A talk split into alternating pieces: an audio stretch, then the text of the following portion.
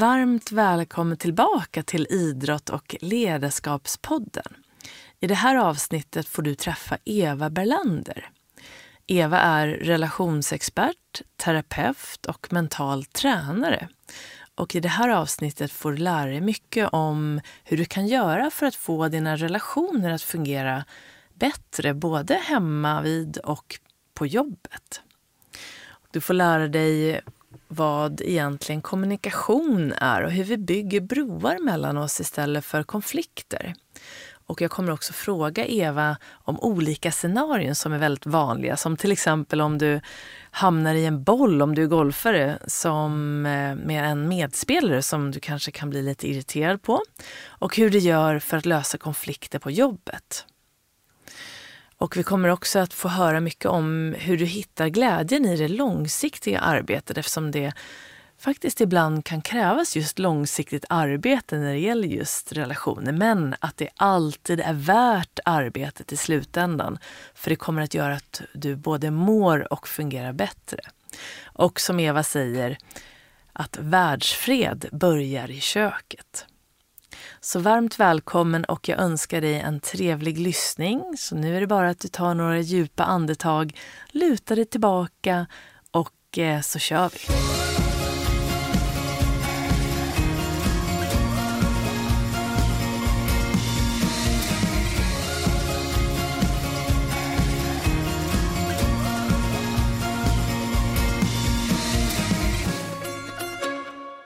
Varmt välkommen tillbaka till Idrott och ledarskapspodden. Och idag är jag mycket glad att få presentera min nästa gäst för dig, nämligen Eva Berlander. Eva är relationsexpert, terapeut och föreläsare och har undervisat tusentals elever inom kommunikation och det som kallas interpersonell neurobiologi. Hon har tränat över 1200 par i sin privata klinik och därmed sett och hört det mesta vad gäller vad som får en relation att fungera eller inte fungera. Eva har många års utbildning inom IPNB som det kallas, så det här ska vi fråga om snart också. Hon är certifierad imagoterapeut och licensierad mental tränare och hon lär sina klienter lyssna, bli hörda och att skapa kärleksfulla relationer. Kunskap, ansvar, vänlighet, nyfikenhet och medveten närvaro är nycklarna i hennes arbete. Och i snart 30 år har Eva regelbundet hållit kurser och seminarier inom dessa områden för terapeuter, företagsledare, par, grupper och enskilda, både i Sverige och utomlands. Eva utbildar och handleder även terapeuter i konsten att arbeta med par. Varmt välkommen hit Eva! Tack, det var en fin lång introduktion. Det var härligt att höra. Ja. ja. är det något som du skulle vilja lägga till sådär i din presentation? Nej, jag tycker du gjorde det galant. Ja, så härligt. Ja, det är fantastiskt att ha dig här. Det är ju en Zoom-träff som de flesta träffar nu för tiden.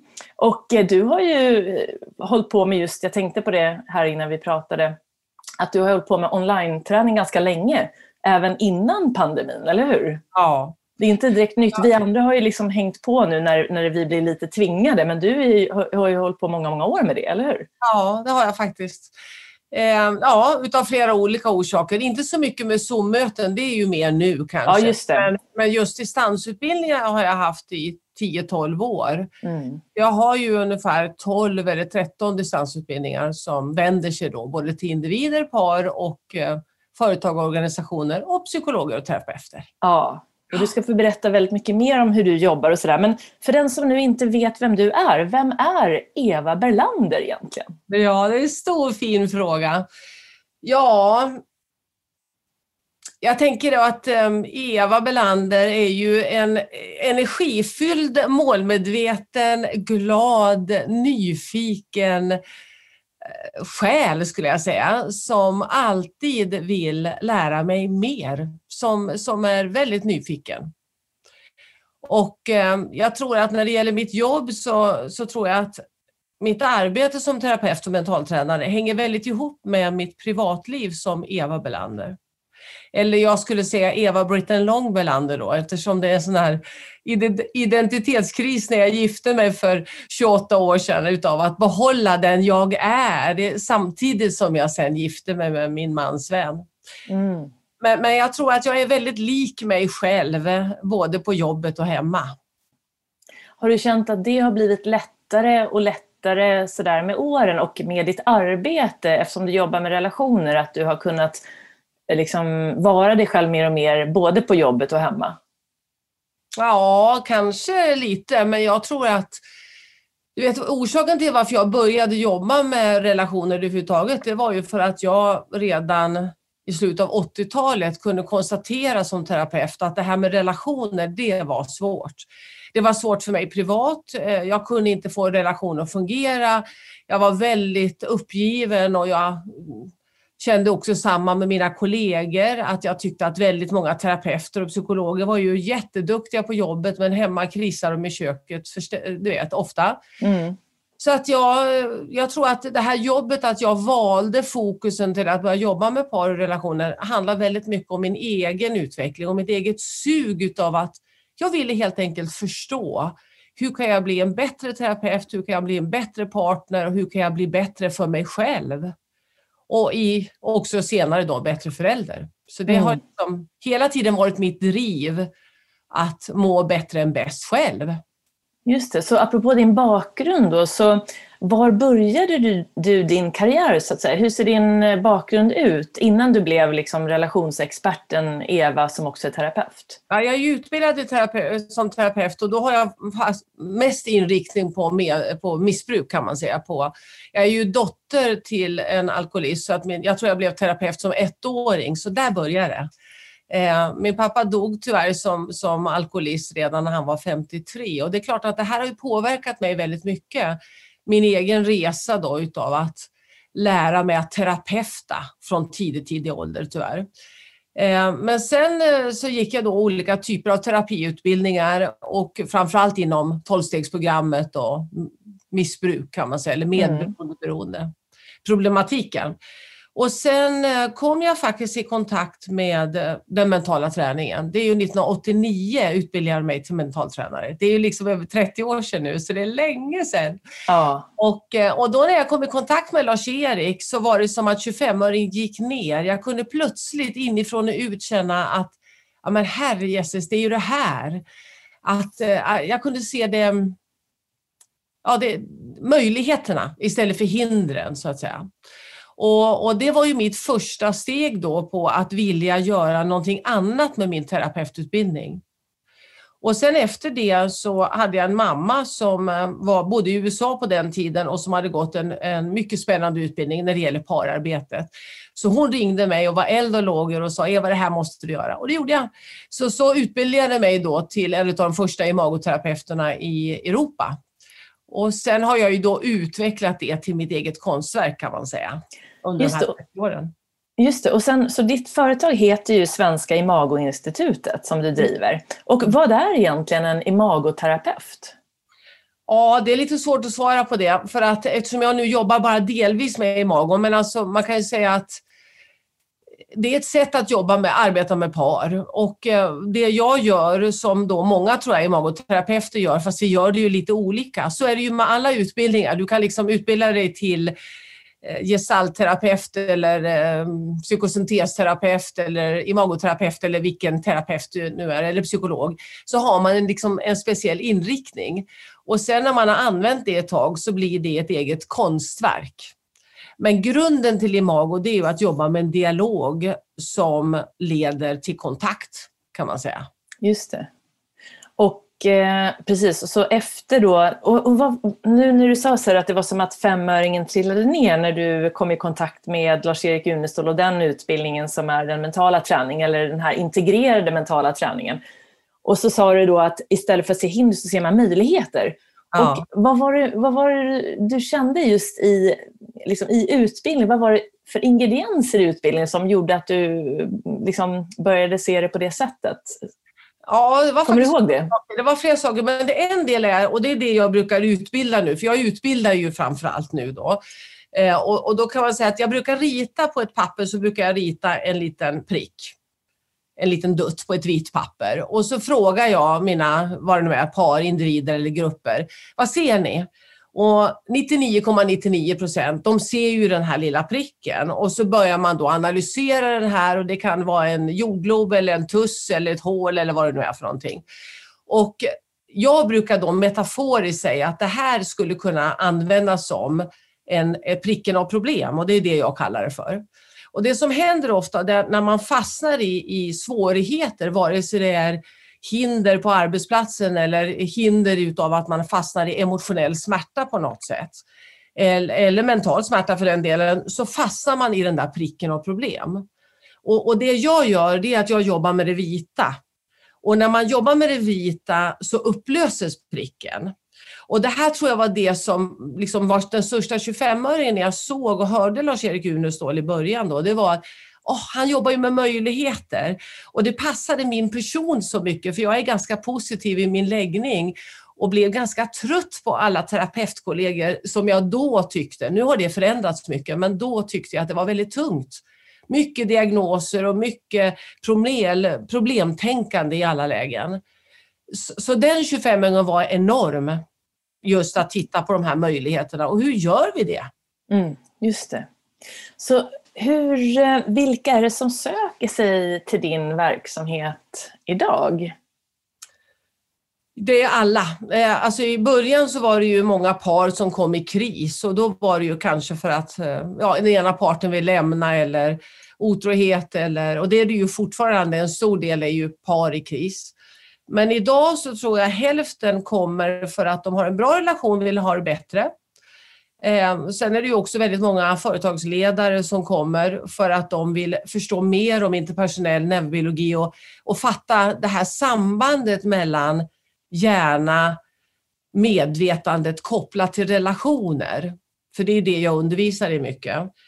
Eh, så, så, så numera är det väldigt många som mår bra men som bara vill ha kunskap och liksom tända hjärnan för framgång. kan man säga. Just det. Och, och mm. vad är interpersonell neurobiologi, om du skulle förklara det?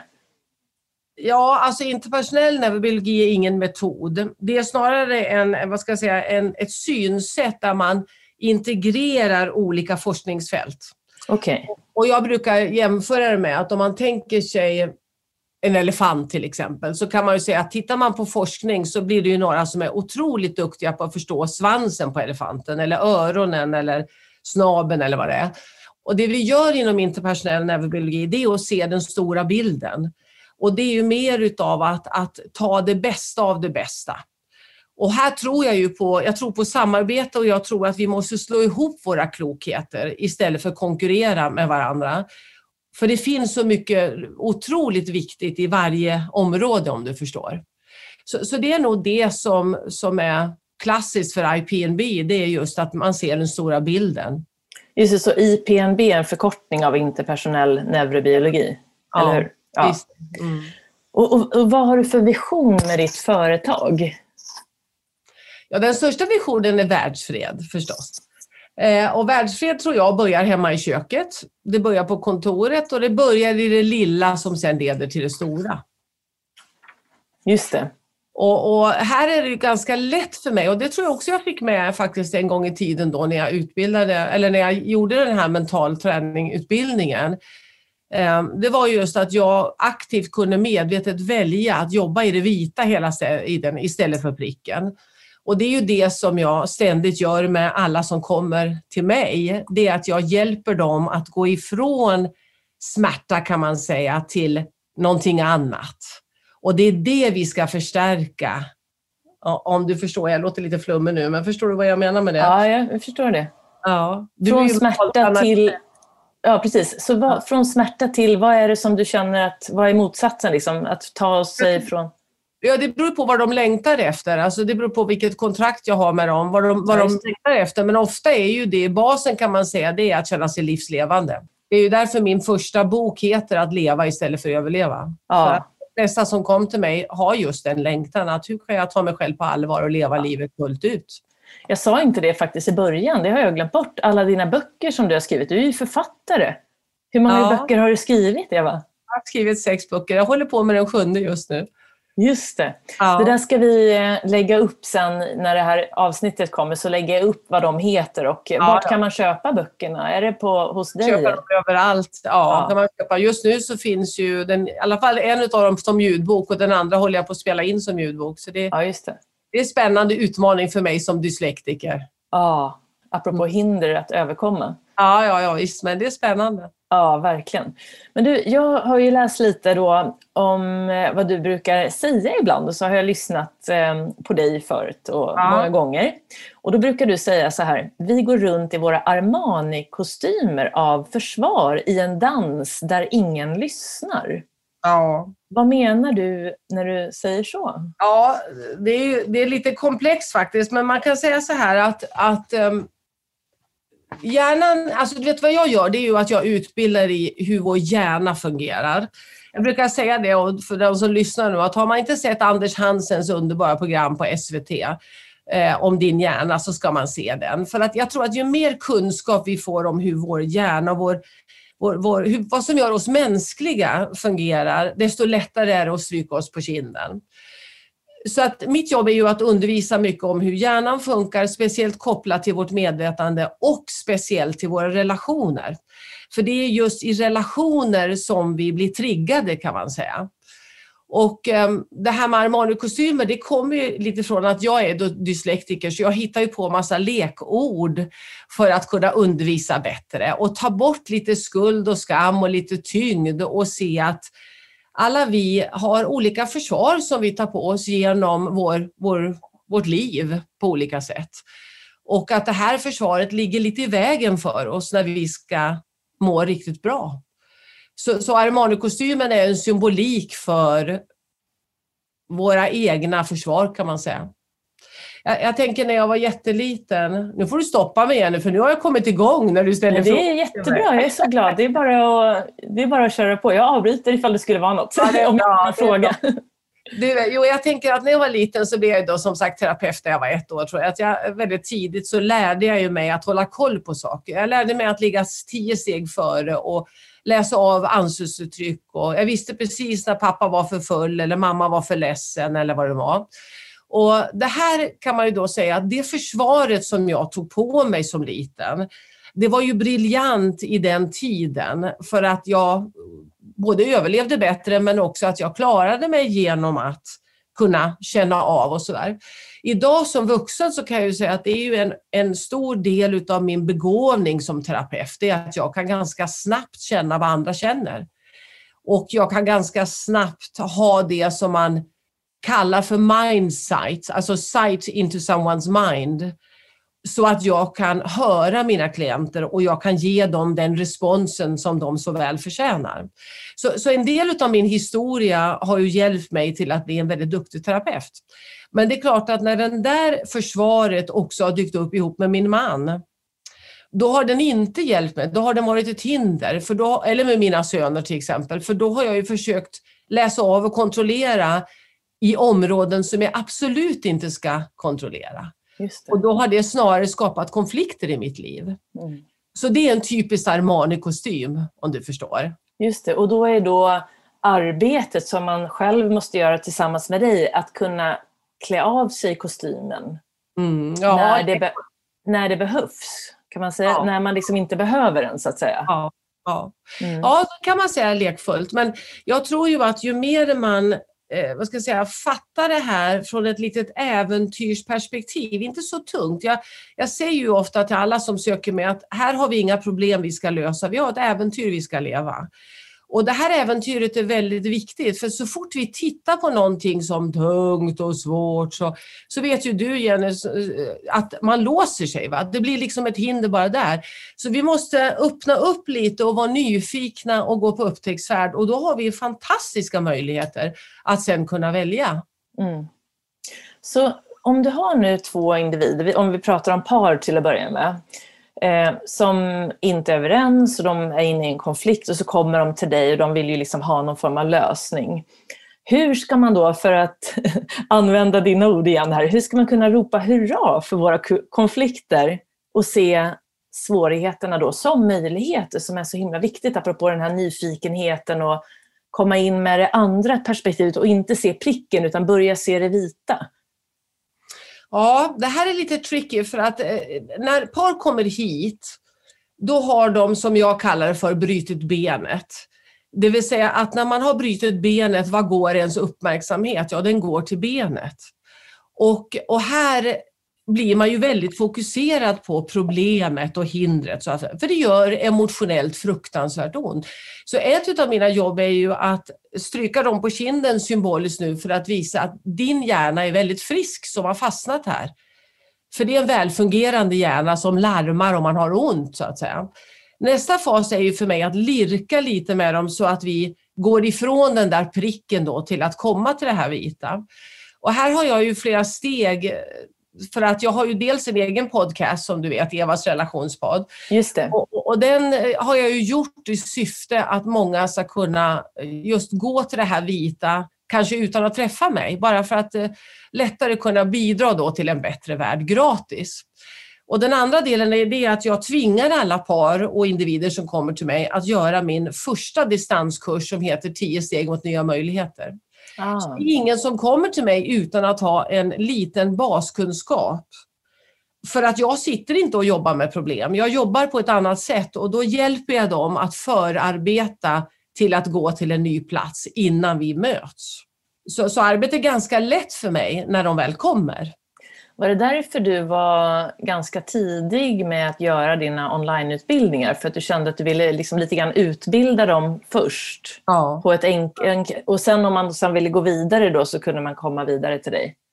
Ja, det är nog en av orsakerna. Den annan är ju att jag har haft eh, kunskapshelger då i 30 år nästan och eh, träffat tusentals par.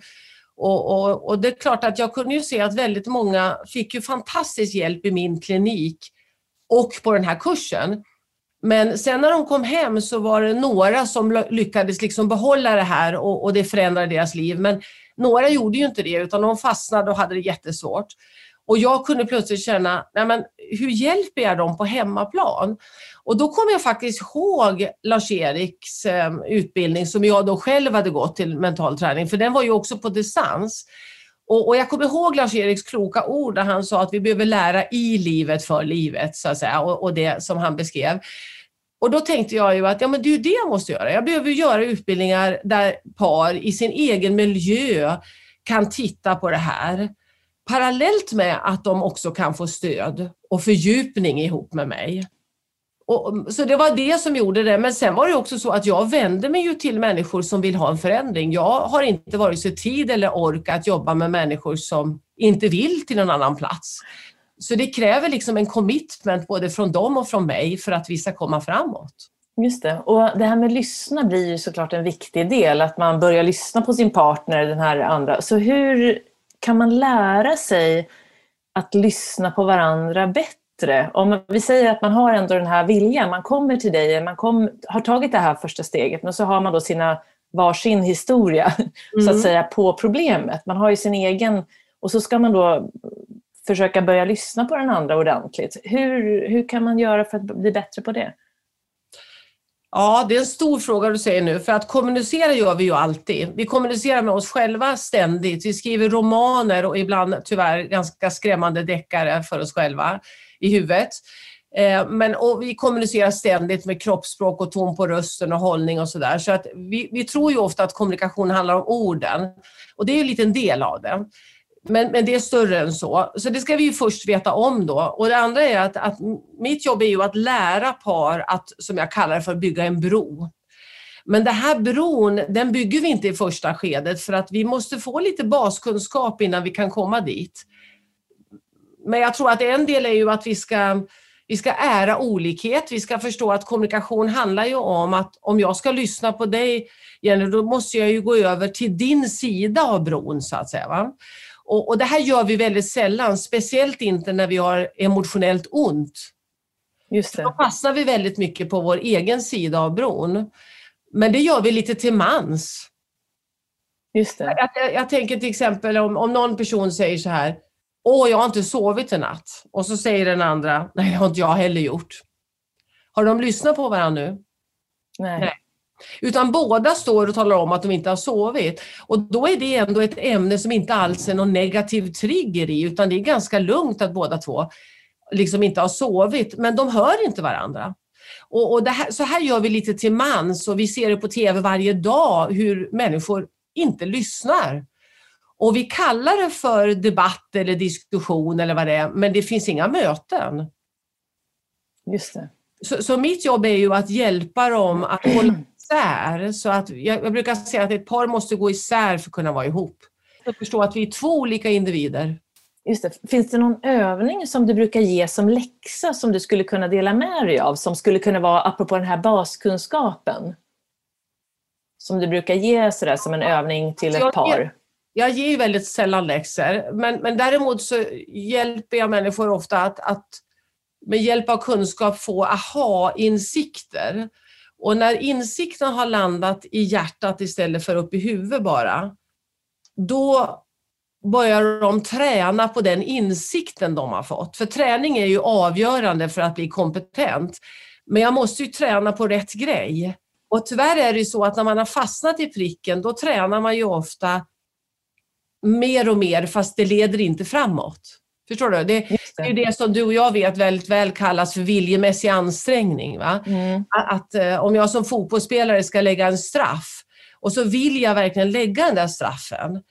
Och, och, jag spänner mig och jag vill och miljoner människor tittar och den här straffen är livsnödvändig för vi ska vinna den här matchen.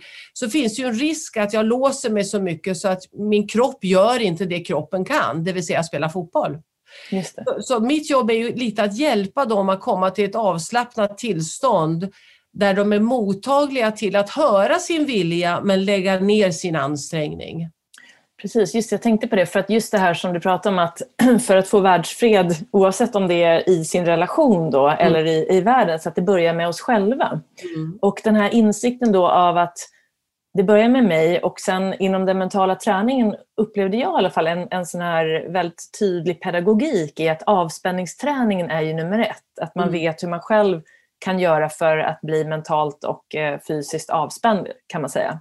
Ja. Så är det någonting som du också jobbar med apropå förmågan att, eh, till att eh, om man säger förmågan att reglera sin spänningsnivå då? Om man tänker i ett i en relation kan det ju bli ett, det, det som den andra säger, som den där straffen. Det blir en spänning. Det kan vara att den, man tänker att den andra ska börja säga något som den brukar säga om disken eller någonting och då höjs spänningsnivån. Mm. Jobbar du någonting med att förstå just det här att jag behöver lugna ner mig själv först? Ja. Ja.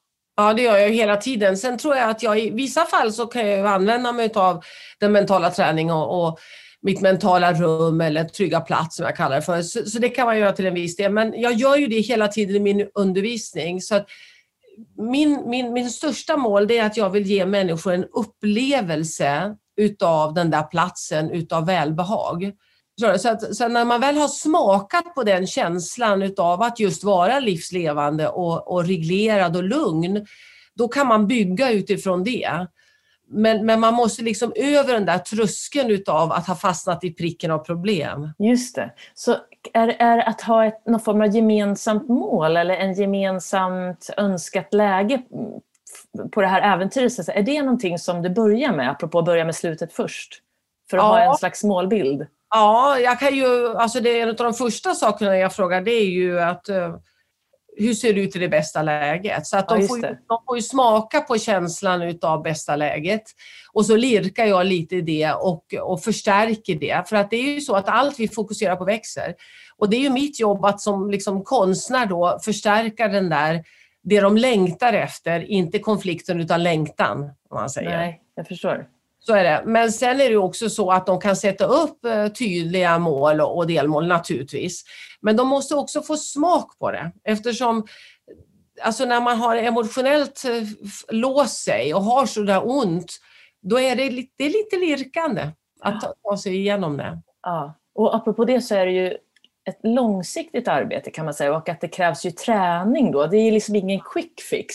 Nej. Och, och det kan jag tänka mig att när man tar beslutet att man vill gå till en terapeut så är man ju oftast, eller man säger men det är ju vanligt eh, att man söker liksom en lösning och så vill man gärna att, den, att du då, i det här fallet som är terapeuten, ska ge mig och min partner svaret till vad det här är. Och då just det här, hur, hur hjälper du dem att, att hitta glädjen i den långsi det långsiktiga arbetet så att säga? För ja, att få dem att... För, mm. Ja. dels är det ju som du säger att, att alla vi vill ha en snabb fix och den, den, den är ju begriplig för vi vill ju både bli hörda och sedda och så vill vi gärna att vi ska snabbt, eh, som jag säger, lära sig italienska på en kvart. Va? Men det går ju inte. Så att där, där måste vi liksom dels förstås höra det. Att om jag till exempel ska lära mig italienska så kan jag ju plugga glosor och sådär.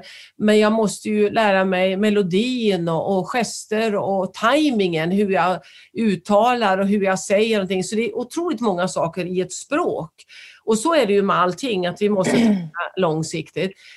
Problemet är ju att vi har ett helt samhälle som går på kortsiktig stimuli. Så att det, det, är ju jobbigt för många eftersom vi har byggt vårt samhälle. Vi är ju samhället. Och vi vill gärna ha ett, två, tre. Hur gör jag nu? Och, och, och sen vill vi gärna göra ett, två, tre och så vill vi komma till paradiset, vilket paradis det nu än är. Och, och det är klart att det här att motivera och inspirera människor till att tycka att det här jobbet är ju spännande att göra det långsiktigt och att välja sina vanor och, och, kunna lugna och reglera det här galopperande nervsystemet ibland. Eh, det, det, är ju en utmaning, men det, det är ju det jag gör hela tiden. Ja. Inspirerar till det.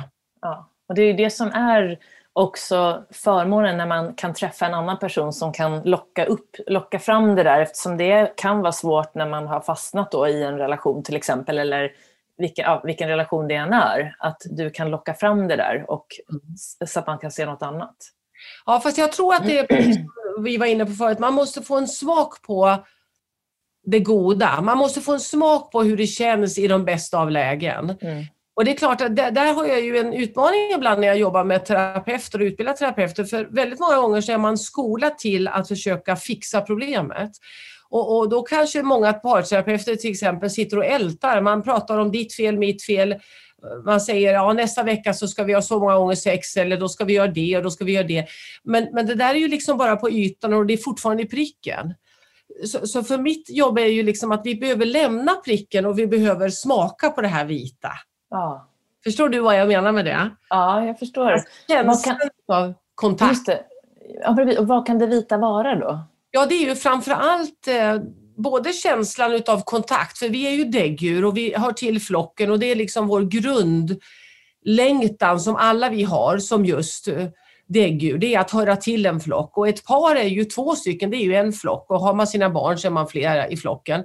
Och, och, det som händer ofta när man är i kris det är ju att den där flocken är bruten på ett eller annat sätt. Kontakten är bruten. Sen kan den vara bruten för att en har träffat en annan och så, men det kan ju också vara bruten för att man bara fastnar i gräl och ingen lyssnar. Och det är klart, mitt jobb är ju att hjälpa dem att smaka på hur det känns i det bästa läget. Mm. Och det gör jag bland annat genom en uppskattningsdialog som jag lär alla par att göra hos mig. Mm. Där de verkligen får höra varandra på riktigt. De får bygga den här bron och de får um, känna smaken utav att bada i den där goa känslan utav kontakt. Mm, jag förstår. Och eh, apropå lyssna som vi var inne på förut och apropå det här att man har svårt att komma till mötet. Det ser man ju som du säger ofta i debatter och på TV att vi har ett sådant samhälle där det är väldigt mycket fokus på det man ska säga istället för att lyssna. Mm. Och då tänker jag på det här förmågan att vara närvarande och mindfulness. Och Jon Kabat-Zinn vet jag att du också har tränat mycket med hans eh, mindfulness-based stress reduction och den typen av närvaroträning. Och ibland, ju mer jag kommer i kontakt med och jobbar just med närvaroträning, desto mer kan jag nästan tänka att det här är ju allt som allting, allt annat hänger på, min förmåga att vara närvarande helt enkelt. Och där, det är också ett jättestort begrepp, men bland annat så ingår ju de här 7 till 9 attityderna som mm. man jobbar med, plus då de här fyra meditationerna. Men skulle du kunna eh, kanske nämna något exempel om hur du jobbar just med, hur, hur, hur för du in just mindfulness eller närvaroträning i ditt arbete? Ja, alltså hela dialogen är närvaro. Att kommunicera handlar om närvaro. Det handlar ju både om att vara närvarande hos någon annan. Så om jag hör dig så behöver jag ju vara på din sida av bron Och då behöver jag vara väldigt fokuserad och uppmärksam på dig. Inte bara på det du säger utan på dina gester, din hållning, dina mikrorörelser i kroppen och, och det du vill förmedla till mig. Så, så, och samma sak att om jag nu är närvarande och pratar så behöver jag ha kontakt med, med mig. Jag behöver känna mig själv och, och bli lite närvarande i att förstå dels vad som är nuet men också vad som är dået. Det vill säga vår hjärna är ju en associationsbank så vi kommer hela tiden tolka nuet och hitta på massa saker om framtiden baserat på dåtid. Och, och, för mig handlar det här inte så mycket om bra och dåliga barndomar. Det är lätt att tro det när man pratar om terapi, men det handlar mer om att förstå att hjärnan är en associationsbank. Så jag tror att hela essensen av mitt jobb är nog just med, eh, närvaroträning. Eller hur? Ja, ja. ja jag förstår. Ja. Sen kallar jag det här för att ha en öppen mottagarplats. Mm. För att mottagarplats betyder i min värld att jag lever. Att jag, mm. jag är mottaglig för det som sker när det sker. Och jag tål det som sker när det sker. Och det här är ju lättare sagt än gjort, men, men det här är ju målet liksom för terapi. Det är ju det man på engelska kallar för resilience, alltså motståndskraft. Mm. Det är att, att om du, jag pratar med dig och du är arg på mig så kan jag höra din ilska utan att ta in den för mycket men jag tål den. Förstår du? Mm. Och, och, så det är många delar i det här. Jag vet att Sara Hammarkrans har skrivit en underbar bok om, om eh, det jag kallar för mottagarplats, men där hon kallar, vad kallar hon det? Eh, hjälp mig, kommer du ihåg det? Förundran tror jag. Förundran, ja. ja. Jag, jag, känner igen, jag har inte läst den tyvärr. Men... Nej, men, men eh, nej, Sara var också med i en av mina, hon har ju redigerat en av mina böcker. Så mm. att, men hon skrev en underbar bok om, om förundran. Och jag tror att förundran, att liksom få den här känslan utav, oh, du vet, alltså, det bara, vi bara kidnappas utav den där närvaron. Den, den är ju kopplad ofta till naturen eller ja, till vår kropp. Undrar om inte jag såg henne på TV i det här Fråga doktorn, tror jag heter, på eh, SVT. Ja, vad roligt. Ja, hon är ju fantastiskt eh, ja. fin, Sara. Men hon pratar om den boken. Mm. Mm. Men, men att ha en öppen mottagarplats, det är vad jag kallar närvaro kan man säga. Mm. Och precis som du säger, att för att bli närvarande, det låter ju lite så här, men jag ska vara mindful, men att det krävs ju, eller krävs, det är ett stort dagligt arbete och en daglig träning eftersom hjärnan är på det där sättet att den kan gå bakåt och framåt och bakåt. Man kan till och med missa nuet. Ja, ett helt liv för vissa. Ja. Vakna upp när man är 80 och bara, men herregud, jag missade mina barns uppväxt. Eller, och, och, att man kanske ibland har lättare för att vara närvarande med sina barnbarn och då kommer ja. man på att för att man, just när man var förälder själv så var det så otroligt mycket som det är när man är liksom mm. förälder för första gången. Så att jag känner igen det där jättemycket i mitt eget liv när jag var VD och hade småbarn. Jag tror att jag kommer knappt ihåg mina första barns år och det kan ju vara en otrolig sorg. Men, mm. men det är ju bara som det är också. Men just att komma ihåg det idag, det är ju aldrig för sent.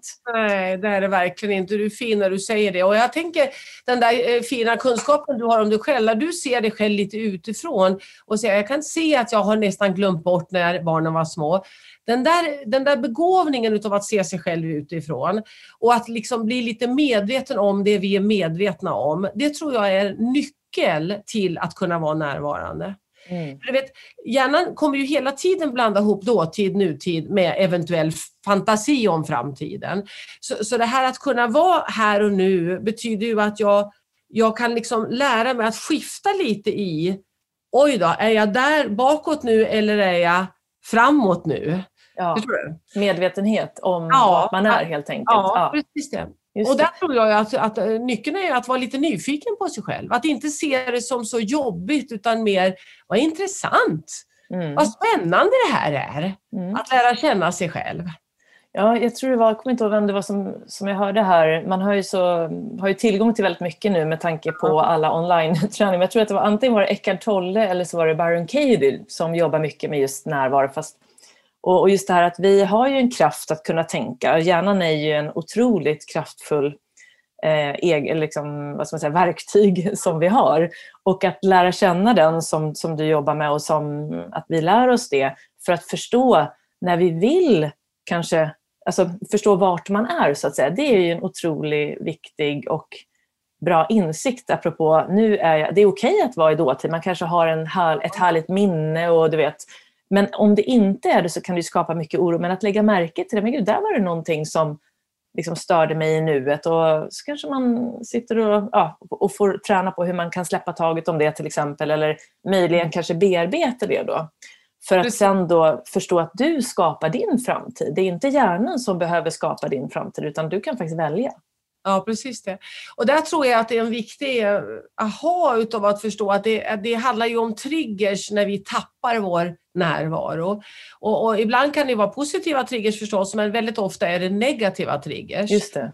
Eh, och, och hjärnan är ju gjord för en tid som vi inte lever nu, som Anders Hansen säger så fint. Att, att vi har en, en hjärna som gör det bästa för att överleva hela tiden. Och, och, har vi liksom fastnat i saker, jag, jag, tänker på min hund, min förra hund, finska lapphund. Hon, när vi gick till jobbet en dag så fick hon um, chock för att en katt uh, rusade fram från en buske och eh, attackerade henne helt enkelt. Och det var inte för att katten var dum utan den var ju liksom låst vid ett staket kan man säga. Men det intressanta var, varför jag tar det exemplet, det var för att Sen varje gång vi gick förbi den här busken så reste ju min hund ragg. Aha. Och jag sa ju på lite skoj till henne att katten är inte där, den är borta nu. Men det fattar ju inte hon, så att hon reste ju ragg. Och sen blev det ju inte bara den busken hon reagerade på, utan så blev det alla buskar som såg ut som den busken. Och plötsligt blev alla katter hennes fiende. Och det är så här hjärnan gör hela tiden. För vi har ju samma typ av hjärna som hundar har, att när vi väl har varit med om någonting som har triggat systemet så kommer vi ha en, en liten smart sak i hjärnan som säger, nu ska jag hjälpa dig så du inte är med om det hemska igen. Just det. Problemet är bara att väldigt ofta så är det hemska igen är inte så farligt idag som det var då.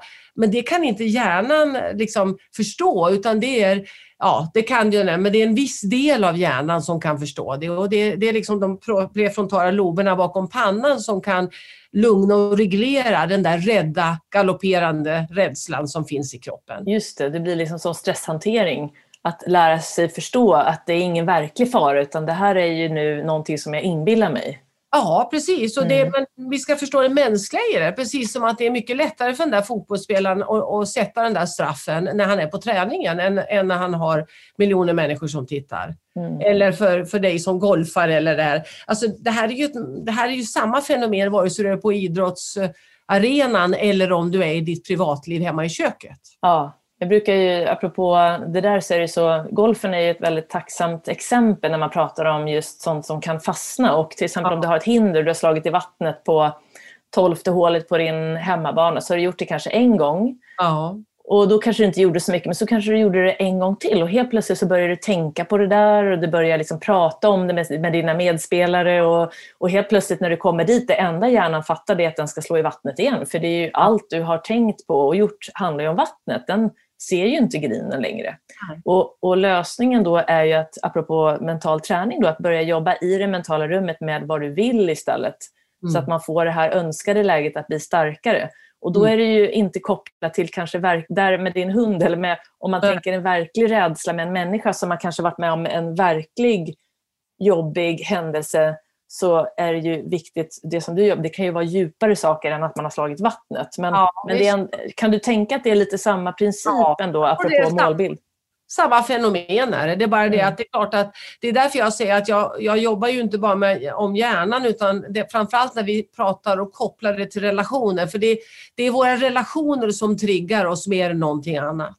Och, och, fördelen med det, det är ju att vår överlevnad som Homo sapiens överlevnad är samarbete. Det är för att ja. vi kan samarbeta och vi är i våra flockar. Men det blir också då vår, vår största hinder på sätt och vis. För det är i mm. relationer det gör ont och det är relationer vi läker kan man säga. Så, så därför så tror jag att det är viktigt att ta med sig den där kunskapen från idrotten, vi har massor att lära av det, till att kunna plocka hem det hemma i köket. Mm.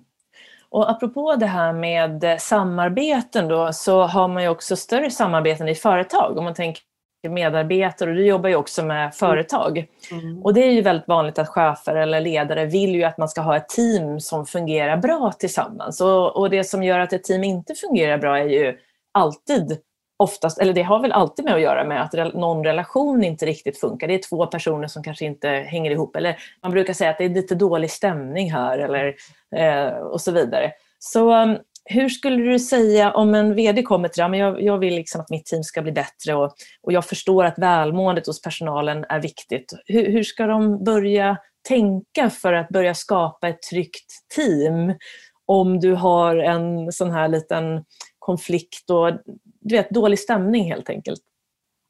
Ja, för det första så skulle jag hurra för den eh, chefen som kom till mig utav att, att ära den viljan eh, som ligger där utav att jag vill eh, lösa det här. Jag vill komma till en ny plats. Så bara viljan är good stuff. Att säga att jag, jag vill någon annanstans.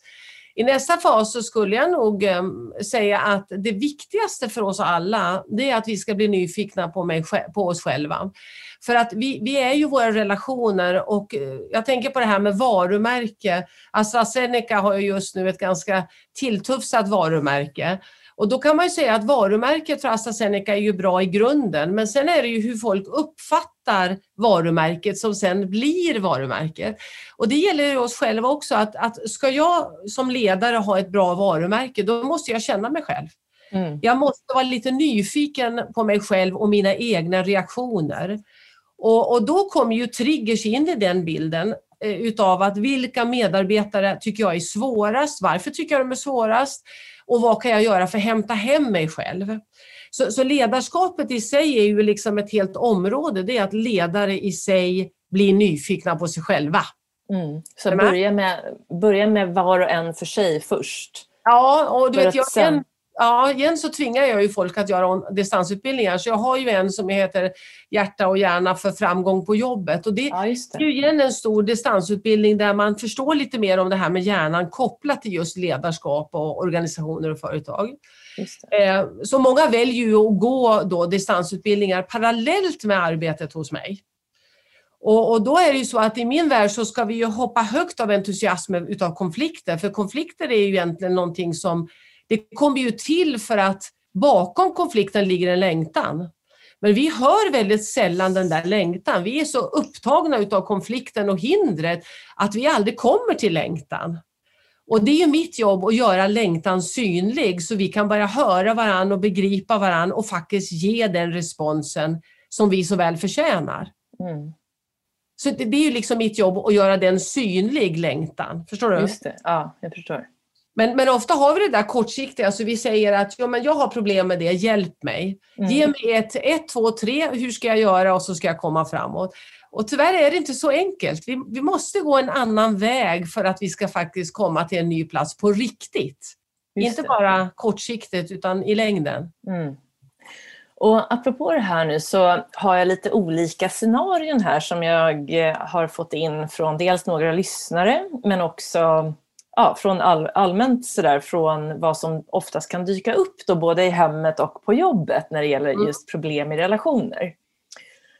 Eh, är du redo? Ja, då, jag är redo. så den första är ju det här på jobbet då. Om du är orolig för att förlora jobbet och så går du på helspel men du vågar inte prata med chefen. Du, du har den här oron. Tänk om jag blir av med jobbet och nu har vi haft en pandemi här. Det kan vara så att man har hört att många blir av med jobbet och sådär. Men man vågar inte säga någonting så man väljer den tysta vägen. Men vad ska jag göra då? Ja, för det första så ska jag stryka mig själv på kinden och sen tror jag att jag ska förstå att att vara orolig hör till en frisk hjärna. Man brukar säga att det är de oroliga i en flock som faktiskt hjälper flocken att överleva. Så oro är ju egentligen någonting friskt, någonting sunt. Sen kan jag i nästa fas bli lite nyfiken på vad som händer i mig själv när jag hamnar då inne hos chefen. För att jag gör ju om chefen till någonting mycket större än vad chefen är. Är du med? Mm. Och, och det intressanta är ju att när vi blir kidnappade utav rädsla, då har vi ett visst beteende och det beteendet brukar oftast inte leda åt dit vi vill, men vi gör det bästa vi kan. Så på sätt och vis så, så är det ju att vi behöver gå till den här goa platsen där vi kan lugna och reglera oss. Ja. Så, så jag gissar på att du vill ha ett svar som säger, jo men då ska man gå in och så ska man göra så. Och, och du vet, det svaret går ju inte Jenny. Du är så söt. Jag önskar att ni som lyssnar fick se hur söt hon är. Nej. Du vinkar näsan när du skrattar här nu. Men, men det, det är ju långsiktigare steg. Men, men, jag tror att jag skulle hjälpa den här klienten eller personen att ta bort skuld och sam i sin egen oro och se hur mm. mänskligt och naturligt det är.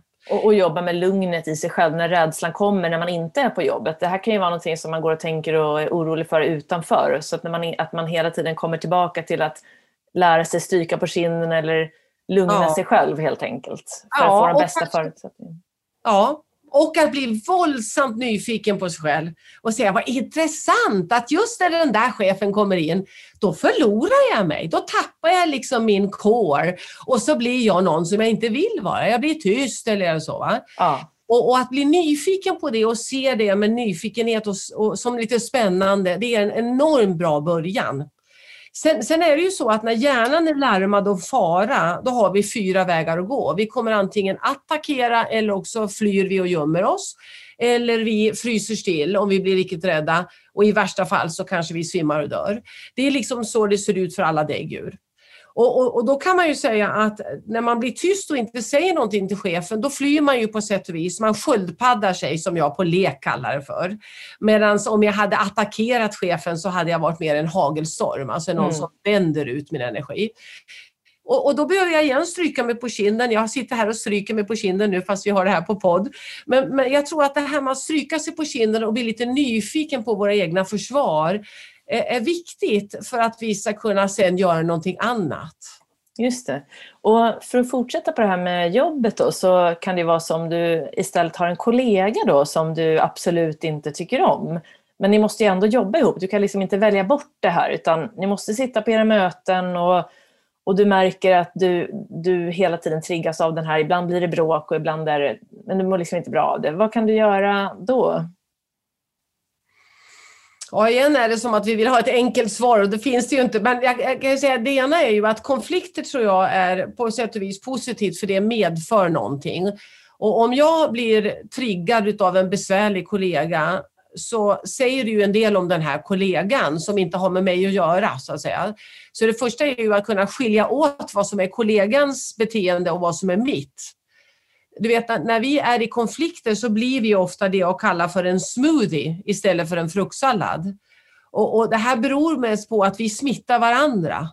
Så att, så att om en person är arg så blir den andra arg för att den första är arg.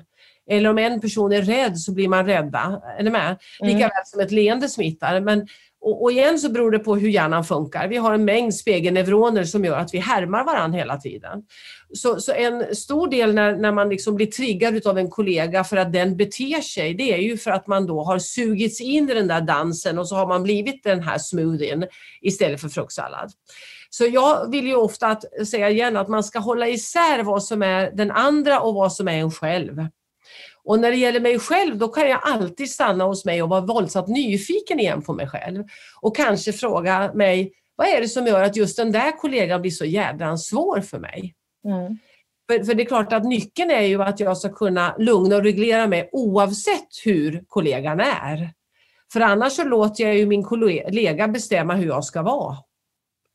Och det är ju det vi ofta ser i våra relationer, det är att andra bestämmer hur jag ska vara. Och då kanske jag blir en bitch, fast egentligen vill jag inte vara en bitch, men jag måste göra mig en bitch, för du gör mig till en bitch. Förstår du vad jag menar nu? Ja, ja. Och då har vi förlorat oss själva och så blir vi ganska maktlösa. Just det, för det är egentligen ingen annan som kan få dig att må eller känna på ett visst sätt, utan det är bara för att du tror på den andra eller för att du får den. Det är du som tillåter den, så att säga. Så att, och det behöver man ju inte göra. Nej, men det är mycket, mer, mycket svårare än så. Så att vi ska mm. verkligen stryka oss på kinden igen och förstå att vi smittar ju varandra. Så att vara med en besvärlig kollega, det tar på krafterna. Det. Eh, och det är klart att vissa av oss är känsligare än andra. Och, och har vi väldigt mycket av de här, bland annat spegelneuronerna, men liksom våra tentakler är så intonade så kan man säga att då lyssnar vi och tar in vad andra känner för mycket.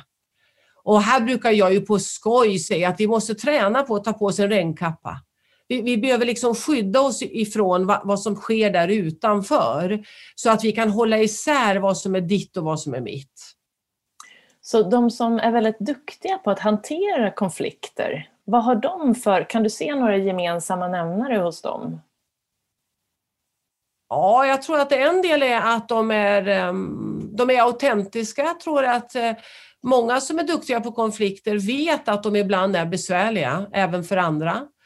Eh, de eh, avdramatiserar nog det.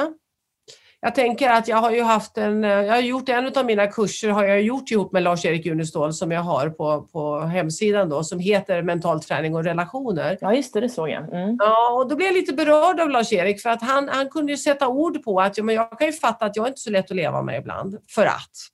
Och jag tror att den där kunskapen av att se sig själv utifrån, den är ganska viktig för att skapa trygghet med andra. Att vara autentisk, att, mm. eh, att våga, vad vi nu kallar för misslyckas, men att våga göra misstag. Just det. Och att eh, våga reparera när vi har brutit kontakten och säga förlåt. Precis, för det, det, tänkte jag på. Det där är något vanligt som, som jag har märkt nu när mina kompisar, när vi blev någonstans 40 och, och framåt, så var det ju många som bröt med sina kompisar. Jag har brutit med någon kompis av olika anledningar och, och man har sett att man liksom inte riktigt, eh, ja, man, man, går åt olika håll, man gör slut helt enkelt. Mm. Men ibland kan det vara att det är ett stort bråk som leder till det och ibland rinner det bara ut i sanden. Men om man nu har hamnat i en situation där du liksom inte pratar, men så är det något som skaver. Det känns inte riktigt så här, man umgås inte men det finns något kvar. Hur skulle du göra i en sån situation? Är det förlåtelse och, och försöka gå den vägen eller? Jag tror att man ska fråga sig, vem vill jag vara? Vad är mina core values, alltså mina värderingar? Om jag nu har en värdering som säger att jag vill vara vänlig, då behöver jag ju träna på att kunna komma tillbaka till vänlighet och lugna och reglera mig för att kunna vara vänlig oberoende hur andra är. Och igen är det den där smoothien för att ofta så reagerar vi på vad andra gör, inte agerar på hur vi själva vill vara. Och, och det är klart att i min värld i alla fall, men det har ju mer med min bild att göra. Jag vill vara vänlig. Jag vill att andra ska uppfatta mig som vänlig. Det betyder ju inte att jag ibland kan vara tydlig och det kan ju ibland upplevas då som någonting negativt om jag säger nej till exempel. Men jag kan ju säga nej vänligt. Och, och, där ingår väl att säga förlåt. Att om jag, om jag känner att jag vill vara mitt bästa jag så kan jag ju alltid bjuda på ett förlåt oberoende av vad den andra gör. Mm. Men, men när vi fastnat i kamp och, och liksom bryter benet som jag säger, eller den där pricken, då kommer jag inte be om ursäkt om inte du ber om ursäkt. Utan det är liksom kamp. Då, då, då handlar det om att du måste leverera för att jag ska. Just och det är något helt annat. Jobbar du någonting med termen egot? När det gäller sådana eh, termer, att det är som att det är ditt ego som så att säga är det som är den som aldrig är nöjd, den som liksom inte är i nuet och den del som är, det är som en tankeprocess som aldrig liksom riktigt, eh, som alltid vill ha rätt och så vidare. Ja, jag förstår vad du menar, men jag använder inte begreppet ego. Nej, nej det var det jag tänkte. Ja. Jag hittar ju på, som du hör, så jädrans många metaforer hela tiden. För att det har ju varit mitt sätt att, att lära ja. mig saker. Just det. Så, att, eh, så att jag använder ju hela tiden mina egna i det här. Just det. Eh, men det är lite roligt för att det är ju tusentals som går de här distansutbildningarna och alla kommer tillbaka och säger att nu pratar vi ett EVA-språk för att du vet nu pratar man om pricken och man pratar om, om Armani-kostymer och allt vad det är för någonting. Och jag, jag, tror att ju mer humor vi kan ta in, ju mer vi kan hitta vårt eget sätt att, att undervisa som är individuellt för oss och sen samarbeta, ja desto snabbare kommer vi faktiskt till världsfred. Ja, och en sista sån här, eller kanske två om vi hinner. Men ja. jag tänker på något som jag tror är väldigt, väldigt vanligt. Är, man kanske inte har en jättestor konflikt hemma, men det finns små saker. Att din partner kanske lämnar mat i diskhon, diskar klart allt men så finns det ändå lite mat kvar i diskhon. Eller du vet, lägger tvätten bredvid tvättkorgen. Små saker som kan vara lite småirriterande. Och så går du runt och blir lite småirriterad hemma. Hur ska man göra egentligen i en sån situation? Det här är ju inte världsviktigt egentligen, men det kan ju bli någonting som stör ditt välmående till och med. Ja. Ja, nej, men det är rätt. Och jag, jag tänker ju att, eh, för det första så ska man förstå att konflikter händer.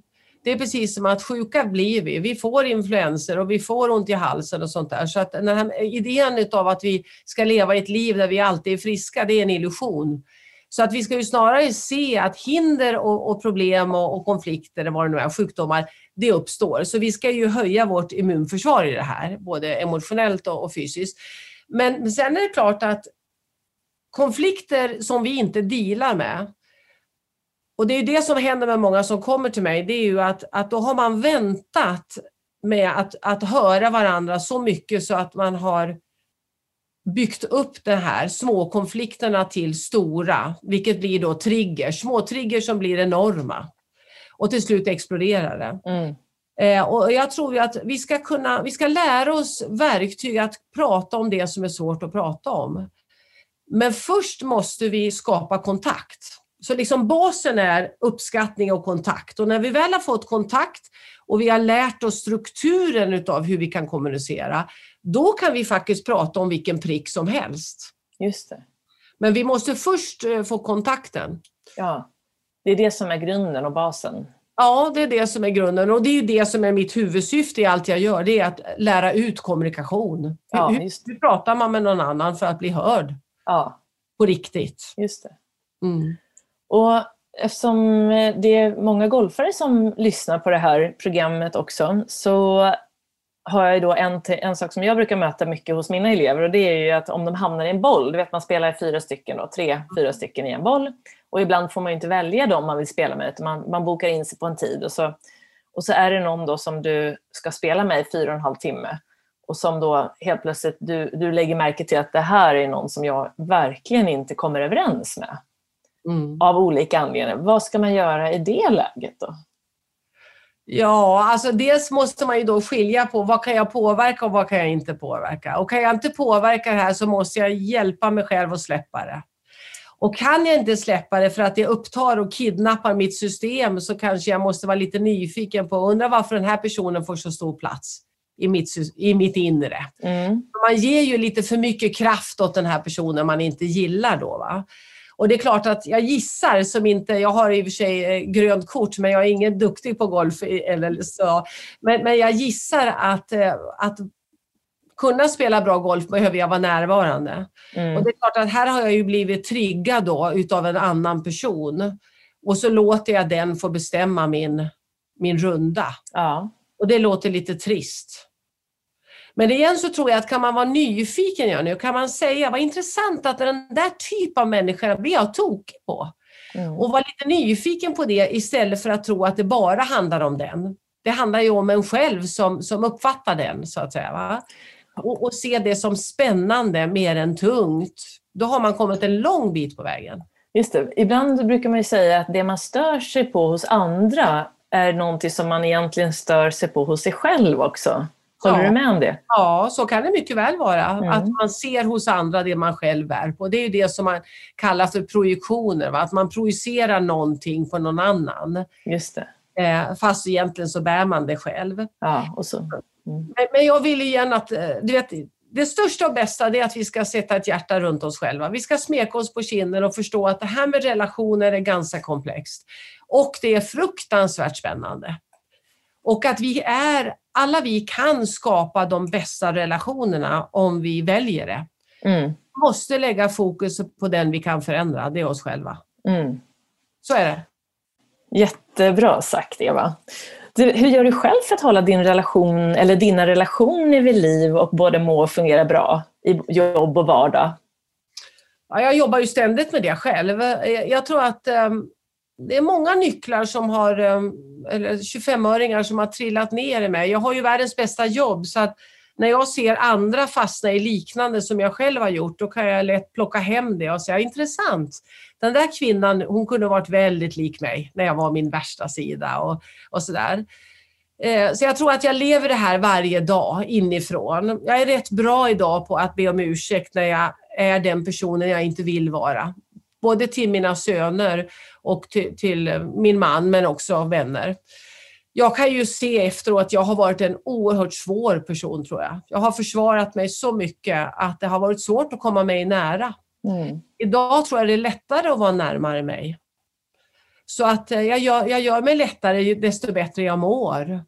Mm, just det. Sen tror jag att uppskattning förändrar världen. Mm. Jag tror att uppskattning till våra nära och kära och att se det där som fungerar. Jag, jag brukar skoja med, med par och säga, ge mig en färg på positivt och ge mig en färg på negativt. Och då kanske de säger, ja, positivt är grönt och negativt är svart. Och då ska vi ju veta att om vi blandar grönt och svart, då vet inte jag riktigt vad det blir nu. Vad blir det för färger nu?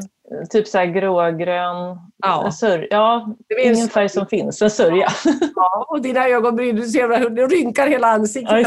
Ja, så det, det, blir ju en sörja. Och det är klart att här är det viktigt att veta att hjärnan har fem gånger mer benägenhet för negativt än positivt. Så vi, vi behöver differentiera de här färgerna. Och när vi säger någonting uppskattande, som vi nu kan kalla grönt, då måste vi hålla det grönt. Och när vi pratar om svarta saker, det vill säga jobbiga saker, då ska vi kunna göra det. Men vi behöver vara på en plats som är öppna och mottagliga. För annars är det waste of time att sitta och diskutera problem. Det är liksom helt onödigt. Men, men vi måste skilja på dem. Och jag tror att en del som jag tränar mycket på det är ju att, att lyssna på att förstå att när du pratar så är jag hos dig. Att eh, träna på att hålla det grönt. Jag menar, tänk på hur ofta jag har sagt till mina, jag tänker på min son till exempel som jag sa, tack för att du plockar ur diskmaskinen för det gör du ta mig fan aldrig. Ja, du hör. Just det. Har mina söner flyttat hemifrån. Men det, är klart, vad hörde min son när jag sa det? Han hör bara att han inte har gjort det. Va? Ja, just det. Och, och, och, där fick jag ju liksom tränat på och gör varje dag så tränar jag på det och hör mig själv säga, håller jag det här grönt nu? Eller blandar jag? Och blandar jag så kommer jag inte nå fram med mitt budskap. Jag behöver hålla det grönt. Ja, det var en jättebra liknelse att hålla det på det sättet. För det kan vara svårt att hålla sig i det svarta till exempel. För att om du säger något dåligt så vill man gärna sådär, ja fast du, ja men det kanske inte är så farligt. Och så liksom håller man inte i kanske Nej. det där jobbiga för att det är väldigt jobbigt att prata om det jobbiga. Håller du med om det? Att det ja, ja, gärna blir det gröna direkt liksom, eller? Ja. Mm. Eller tvärtom. Eller tvärtom, ja. Just det. Ja. Och det kan jag ju se många som vill kommunicera. Det är precis som att, åh nu när du ändå är här, då ska jag berätta vilken skit du är. Ja. Och det är klart att då är det ju åt andra hållet då. Va? Och, och det går ju inte. Så det är ju så att jag måste hålla isär. Och det blir mm. väldigt tryggt när vi vet att nu är det svart vi ska prata. Då, då, kan man förbereda sig på svart och man kan liksom lägga grunden för det. Eller nu är det grönt. Vad härligt, då vet vi att det är fritt från det svarta. Det mm. kommer mm. ingen kritik farande här. Mm. Jättebra. Jag har ju en föreläsning eh, som jag kan nämna för dig nu. Jag vet inte när du sänder den här så du får se om du ska ta med den eller inte. Men 12 ja. april har jag en föreläsning angående kritik och vad det gör för våra relationer. Mm. Men, men jag tror att det här med att hålla isär färgerna är viktigt. Och kritik mm. är verkligen förödande, både mot oss själva och mot andra. Mm. Du, jag brukar avsluta med att fråga om du skulle få välja tre saker att lämna till rys- lyssnare då, som gäller just relation, relationer och förmågan att få min relation att fungera bra och eh, där också mig själv att fungera bra. Vad skulle du säga är de liksom tre viktigaste sakerna som du skulle vilja lämna till lyssnaren? Ja, det första tror jag det är just eh, att när jag märker att jag fastnar i problem och hinder, alltså pricken av problem, att stryka mig på kinden och förstå hur hur frisk det är trots att det inte leder framåt. Så om jag vet med mig själv att jag och min man brukar sitta i fyra timmar och diskutera i köket och det slutar bara med kaos, då kan jag stryka mig på kinden och säga, vad bra att viljan fanns där, men det här kommer inte att lyckas. Så att, att, att jag liksom avslöjar det. För att bakom den där är det ju en stor vilja, men det kommer inte fungera att sitta och diskutera problem och hinder. Så det är en viktig del att, att förstå det här med pricken tror jag. Den andra delen det är just det här att, att förstå att uppskattning förändrar världen.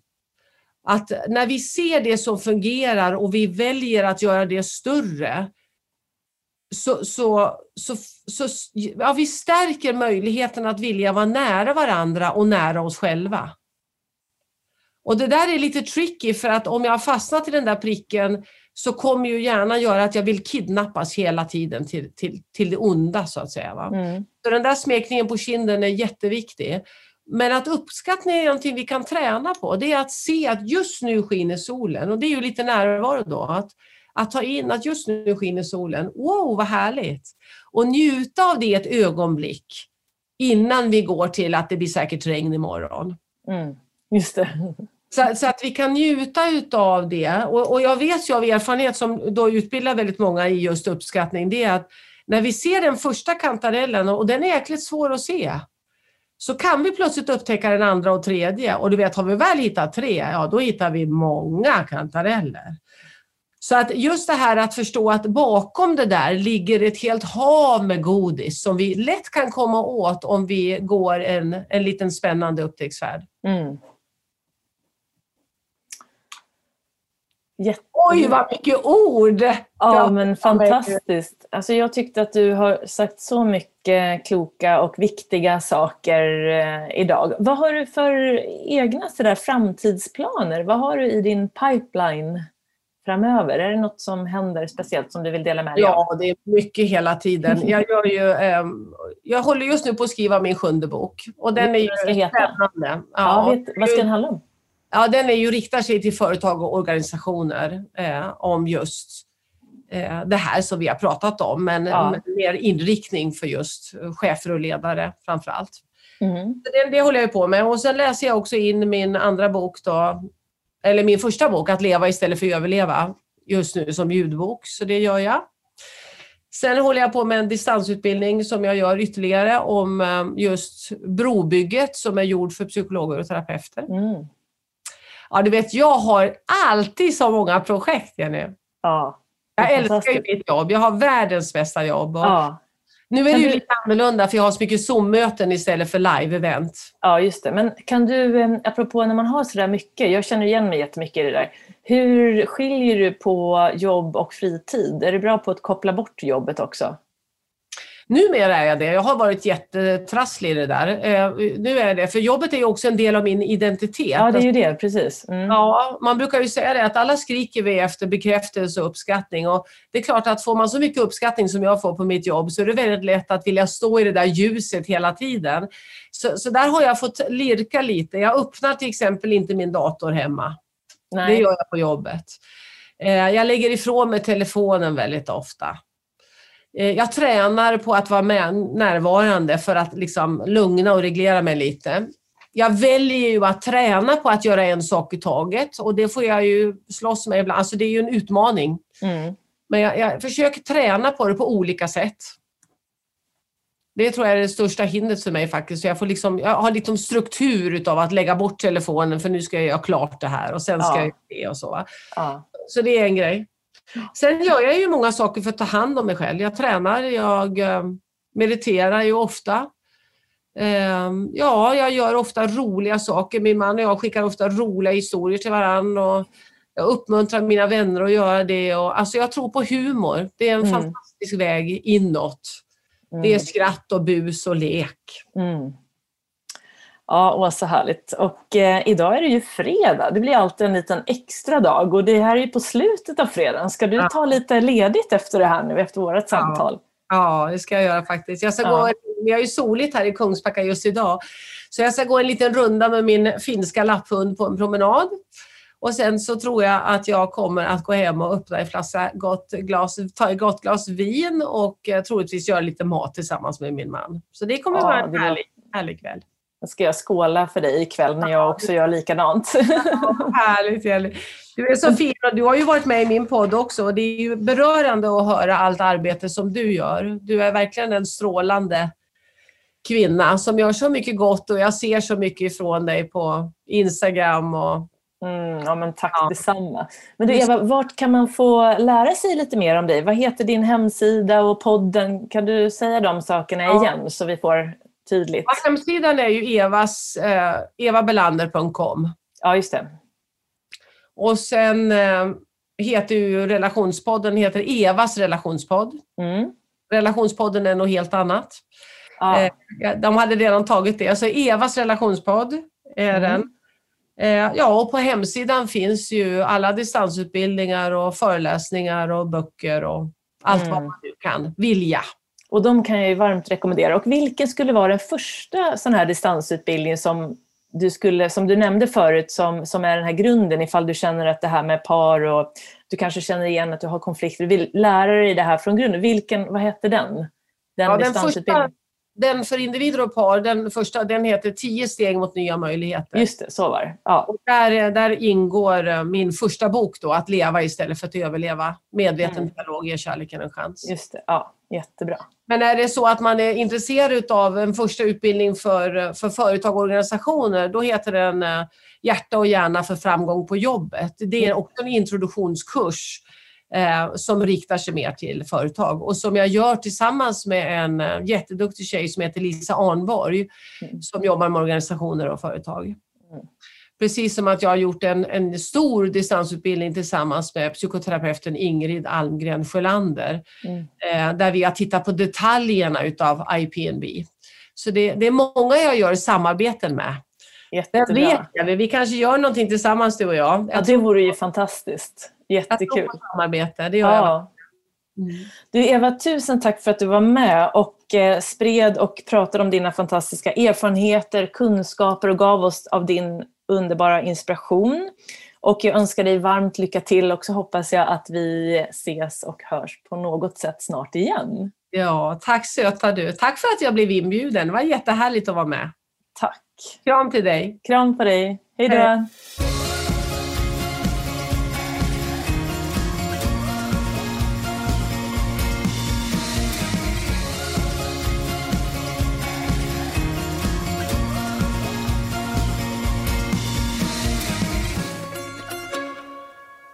du fått lyssna till mitt eh, och Evas samtal som då har handlat mycket om relationer och jag hoppas nu att du har fått med dig en hel del ny kunskap och inspiration som du kan ta med dig in i din egen vardag. Och vill du då veta mer om Eva och hennes arbete, hennes kurser och böcker så går du in på www.evabelander.com och Eva har ju då också en podd som vi pratar om och den heter Evas relationspodd. Så där kan du då gå in och lära dig ännu mer om hur du gör för att få fungerande och välmående relationer runt omkring dig. Så varmt lycka till med det här och eh, vill du veta mer om vad som händer i min verksamhet så går du in på jennyhagman.com och du är varmt välkommen att också följa mig på Instagram på Jenny underscore Hagman, alltså snabel Jenny underscore Hagman. Och nu önskar jag dig en fortsatt trevlig dag eller kväll och så hoppas jag att vi ses här snart igen. Ta hand om dig. Hej då!